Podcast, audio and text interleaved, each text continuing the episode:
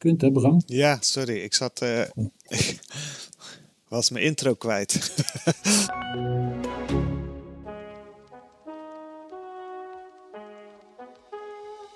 Dit is de Geldigbij podcast en mijn naam is Bram Verbrugge.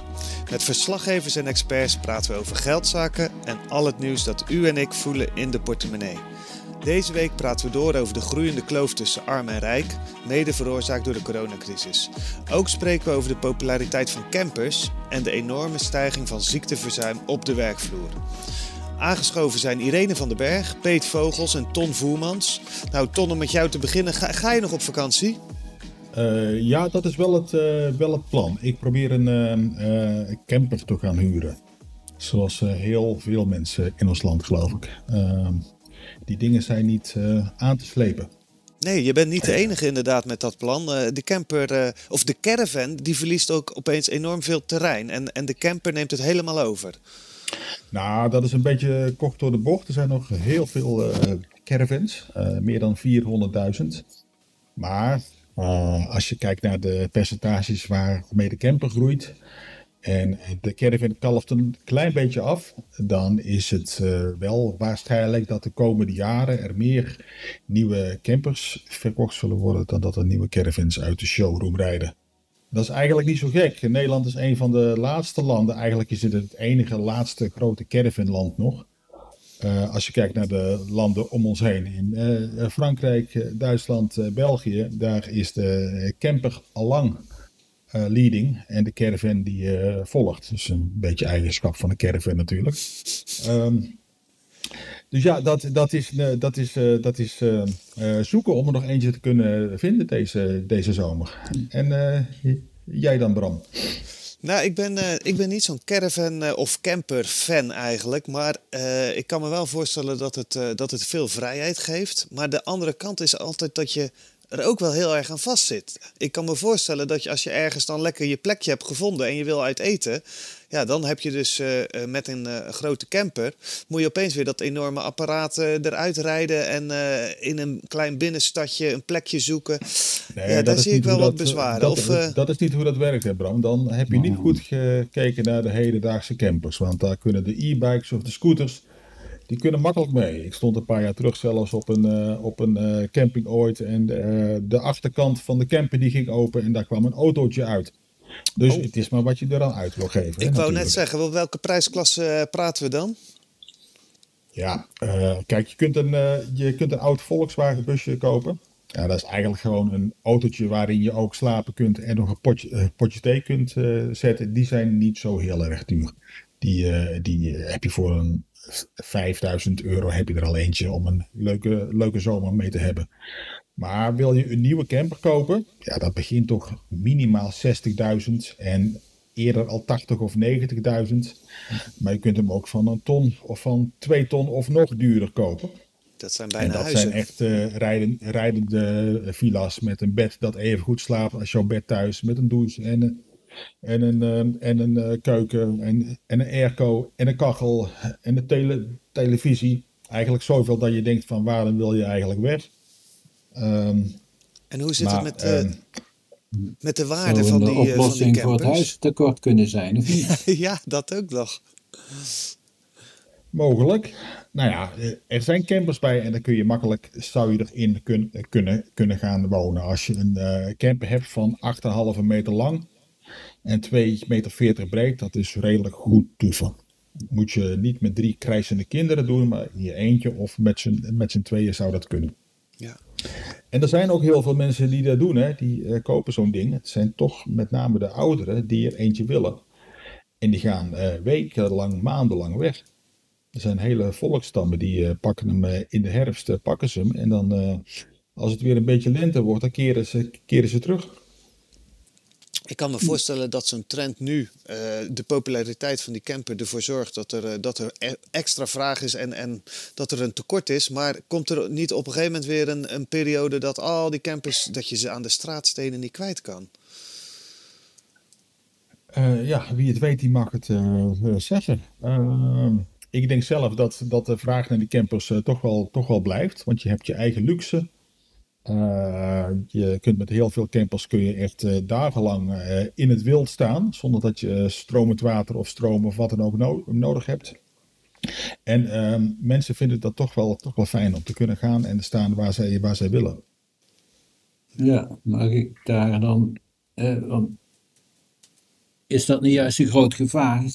Dat mensen maar gaan aan staan waar ze willen en overal in de natuur gaan kamperen. Dat klinkt mij niet erg duurzaam in de oren. Dat was sowieso ook nog een vraag die ik had. Van, uh, is, is camperreizen sowieso wel, wel duurzaam? Want volgens mij uh, suipen die uh, beesten enorm, of niet? Het zijn allemaal diesels. En ze verbruiken al snel 1, 1 op 10. Dus voor iedere 100 kilometer die je rijdt heb je 10 liter diesel nodig.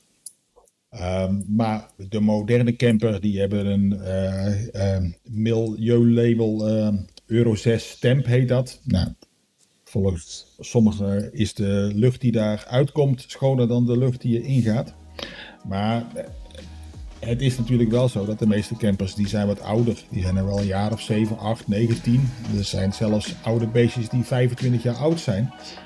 En uh, of dat uh, qua duurzaamheid wel zo goed is, dat weet ik niet. Nee.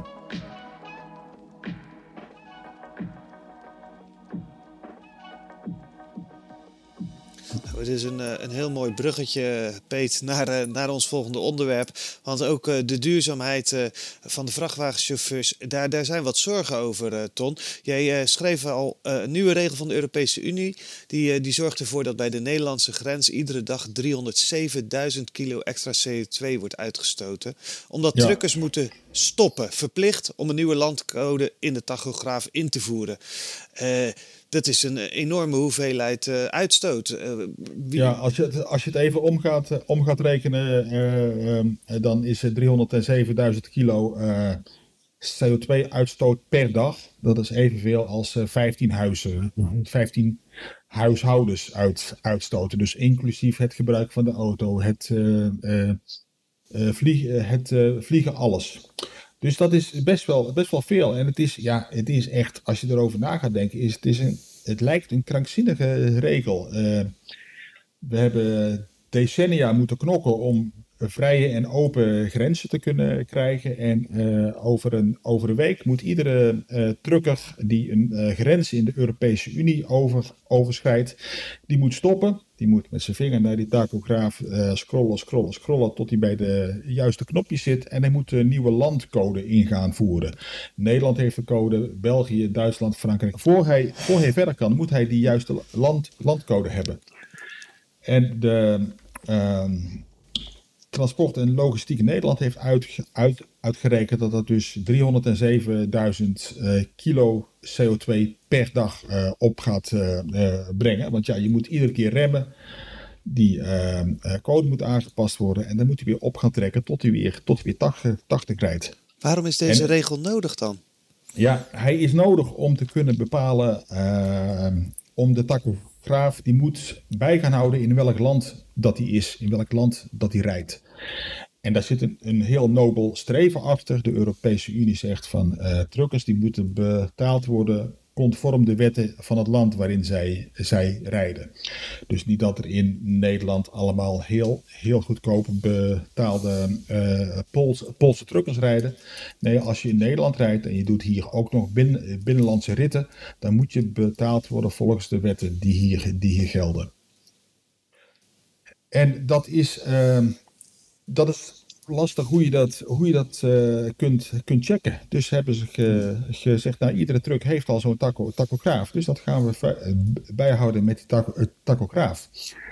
Je had ook kunnen denken van we gaan dat doen met een, met een app. Iedere trucker die een smartphone heeft, maar daar hebben ze niet voor, voor gekozen en ze hebben er ook niet goed over nagedacht. Want een tachograaf heeft weliswaar een GPS, maar hij heeft, uh, die GPS kan niet bijhouden in welk land dat hij is. Landsgrenzen kent hij niet. Dat is toch. Dus uh, ja.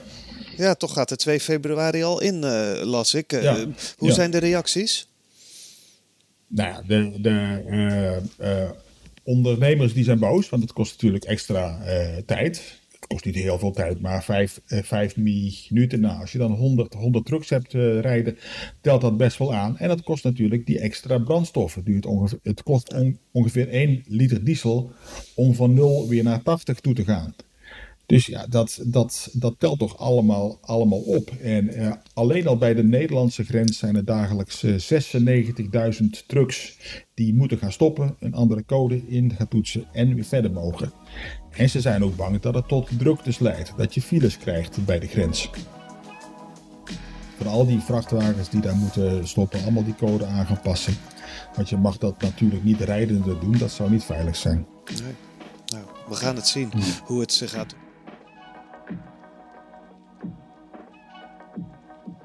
Aangeschoven is Irene van den Berg. Irene, welkom. Jij bent bezig met de Rijkdomsserie. Uh, serie over de enorme kloof tussen arm en rijk. En die kloof die groeit ook. Nou, deze week was het ook actueel. Premier eh, Mark Rutte bevestigde dat de vermogensongelijkheid een belangrijk thema is. Uh, er was wat discussie over natuurlijk in de Kamer. en hij zei best te willen kijken naar manieren om de vermogensongelijkheid in Nederland te verkleinen. Maar hij wacht daarvoor wel eerst een onderzoek af. En dat komt pas deze zomer. Denk je dat er iets gaat veranderen? Ja, de vraag is wel hoeveel we van, uh, van Rutte moeten verwachten. Uh, in zijn vorige ambtsperiode zei hij: uh, miljonairs betalen wel genoeg belasting in Nederland.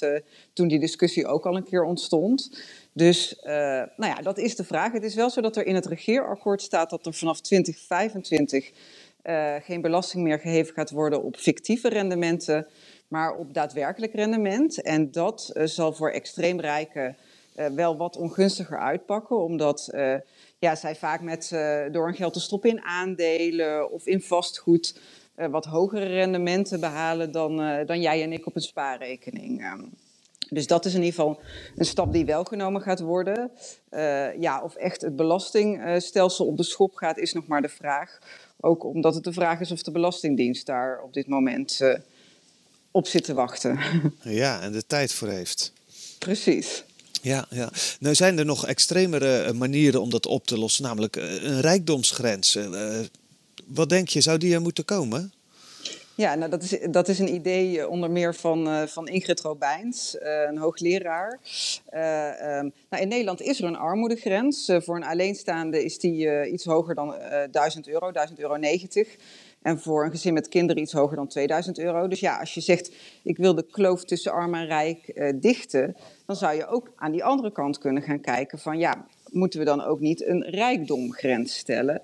Maar het is denk ik een beetje een filosofische vraag van, ja, we zeggen we vinden uh, mensen moeten niet onder is geweest qua rijkdom. Dat, dat is een filosofische vraag die je zelf kunt stellen. Het is natuurlijk wel een heel heftig middel, een rijkdomsgrens. Want dan zeg je eigenlijk, ja, boven een bepaalde vermogen dan, dan uh, pakt de staat het af en dan, uh, dan is het niet meer van jou. Grote vraag is dan natuurlijk ook, waar moet die grens komen te liggen? Precies. Ja, uh, daar heb ik het ook met, met Ingrid Robijns, zij is filosoof en econoom, over gehad. Ehm, zij heeft een onderzoek gedaan onder Nederlanders. Zij heeft aan Nederlanders gevraagd van wanneer vinden jullie het eigenlijk genoeg? Wanneer draagt nog meer vermogen niet meer bij aan iemand zijn geluk? En Nederlanders die denken dat dat ligt op 2,2 miljoen.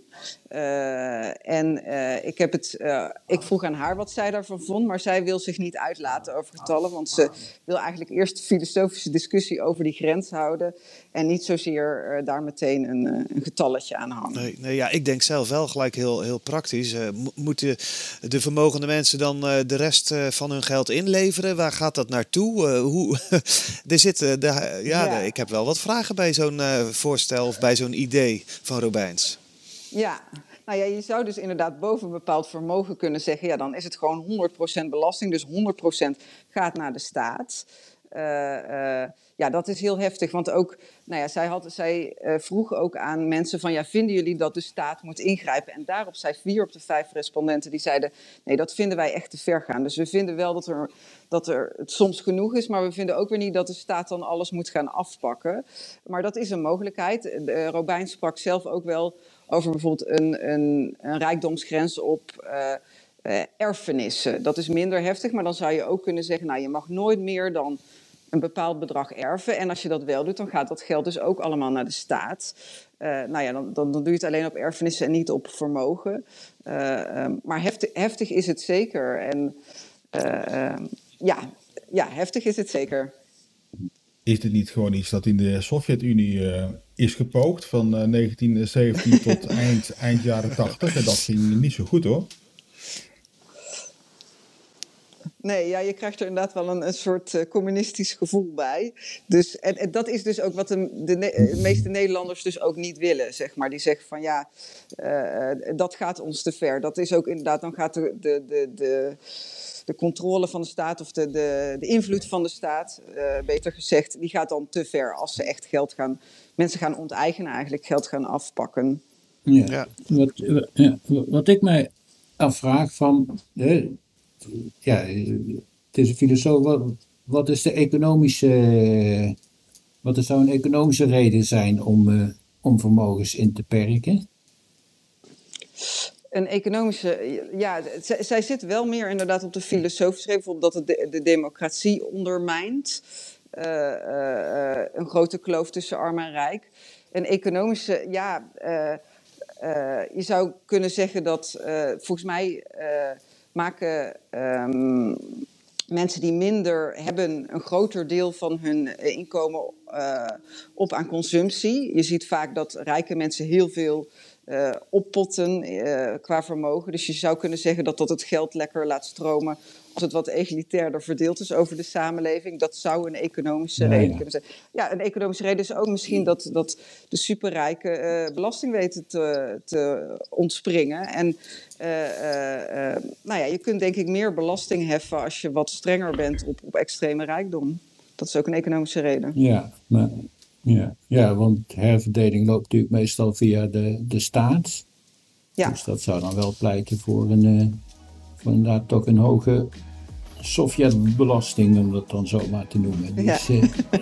ja. Ja, het kan uh, tot mooie discussies leiden bij een borrel, uh, kan ik me voorstellen, deze stelling van Robijns. Uh, dank voor je uitleg, Irene.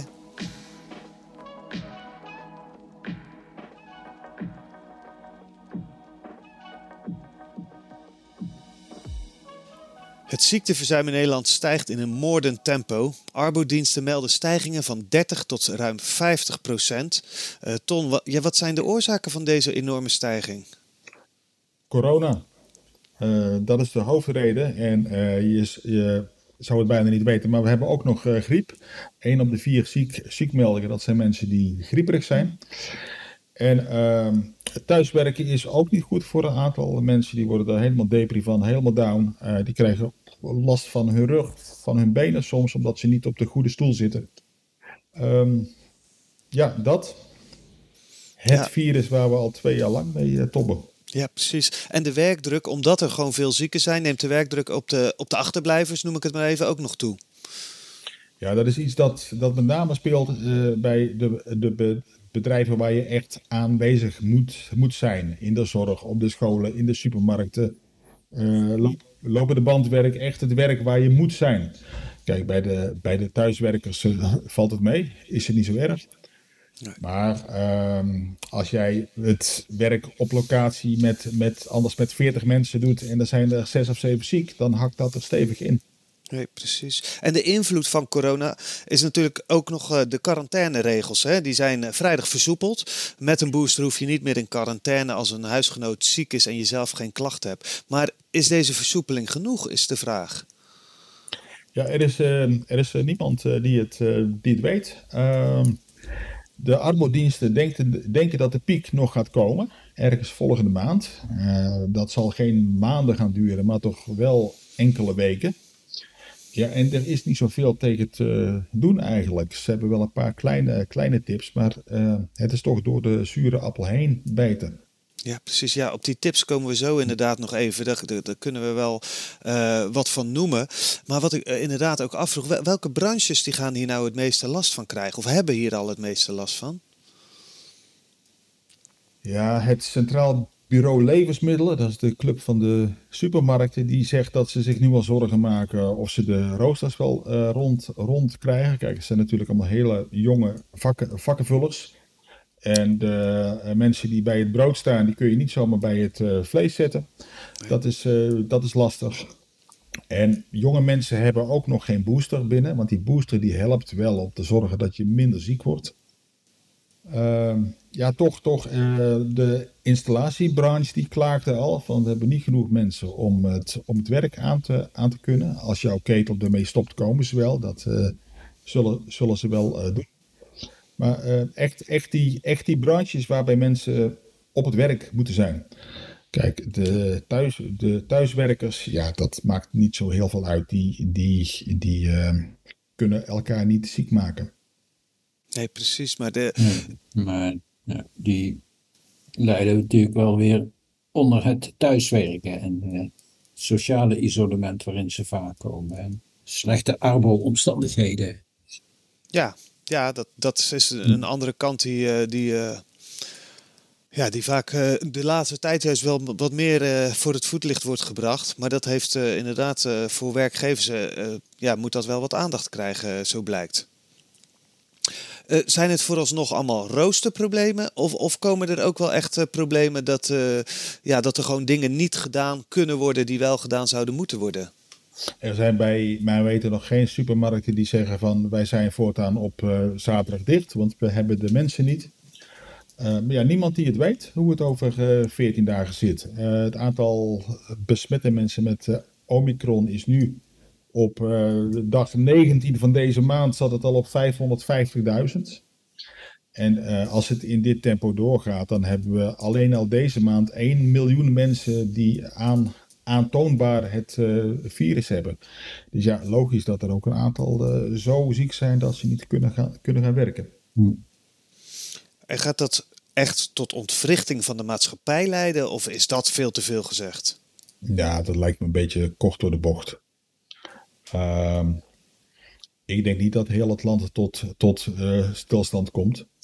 Dat zou het zijn als, eh, als al die mensen ook in het ziekenhuis eh, kwamen. Maar zoals iedereen weet, de ziekenhuiscijfers dalen. En je bent er wel een aantal dagen ziek, ziek van. Maar het is niet dat je twee weken lang met hoge koorts op je bed ligt, ligt te bonken. Dat valt mee.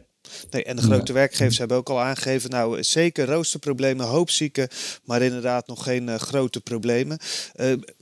Engeland, die eh, pakken toch wat anders aan. Eh, sowieso, de, de Omicron-variant is daar op een hele andere manier natuurlijk eh, aangepakt.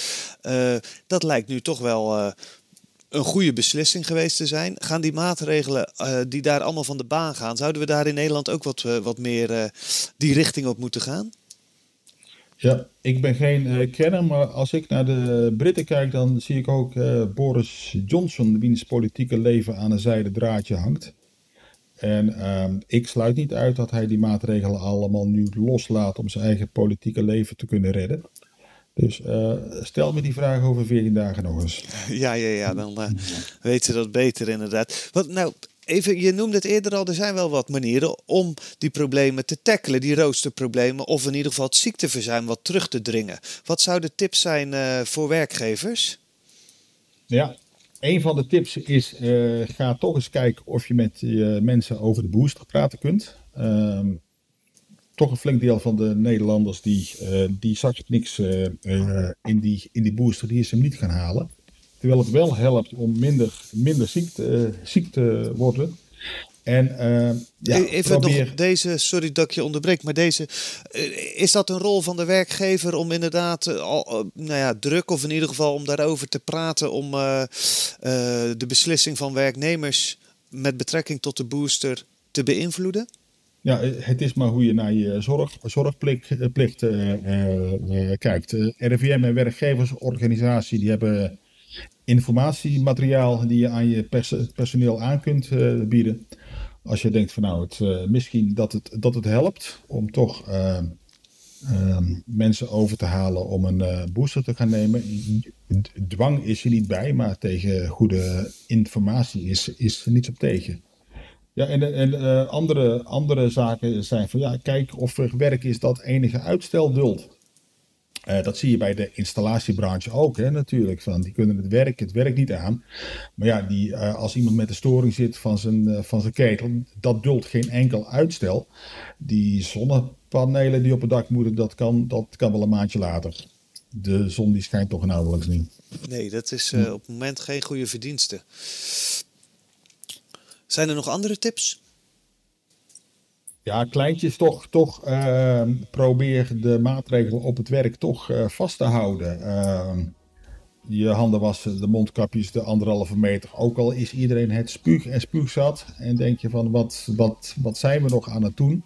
Maar als jij echt een infectiehaard op je werkploeg krijgt, dan ben je verder van huis. En een andere tip was van pro, probeer uh, ploegen en teams niet door elkaar te gaan mixen. Zo van pro, probeer de ochtendploeg de ochtendploeg te houden en de middagploeg de middagploeg. Want als je ze gaat kruisen om de roosters dicht te krijgen, loop je ook het, uh, het gevaar dat dat virus uh, vrij door jouw hele organisatie wandelt. Ja.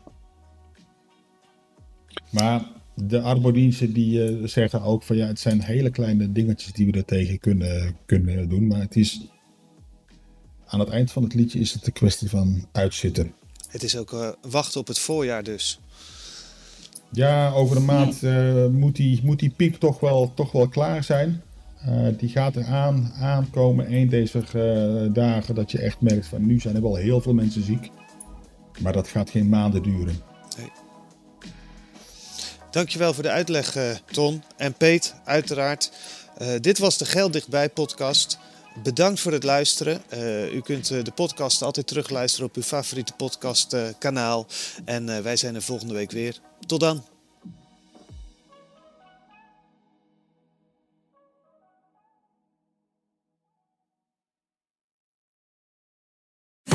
Van de elektrische bezorgwagentjes van Picnic en de elektrische fietsen van Van Moof... tot de wereldveranderende missie van Tony Chocolonely... Welke inspirerende verhalen schuilen er achter deze succesvolle Nederlandse bedrijven? Dat was eigenlijk voor ons wel op een gegeven moment dat we dachten: hé, hey, wacht eens even. Dit kan wel eens heel groot worden als zoveel mensen in de testfase al enthousiast zijn. Toen ik het uiteindelijk gekocht heb, toen had ik me zo diep in de schulden gestoken dat ik echt ook het gevoel had van nu moet ik ook verdorie laten zien dat het werkt. In Sleutel tot Succes krijg je een kijkje achter de schermen bij het ontstaan van succesvolle Nederlandse bedrijven twee jaar geleden nog met grote moeite een lening los kon pulken van 5 miljoen. En nu haal je inderdaad relatief gemakkelijk 128 miljoen binnen. Ga mee op ontdekkingstocht en vind samen met mij, Hannelore Zwitserloot, die ene sleutel tot succes. Sleutel tot Succes is een podcastserie van De Ondernemer en Topcast Media. Beluister Sleutel tot Succes nu in je favoriete podcast-app.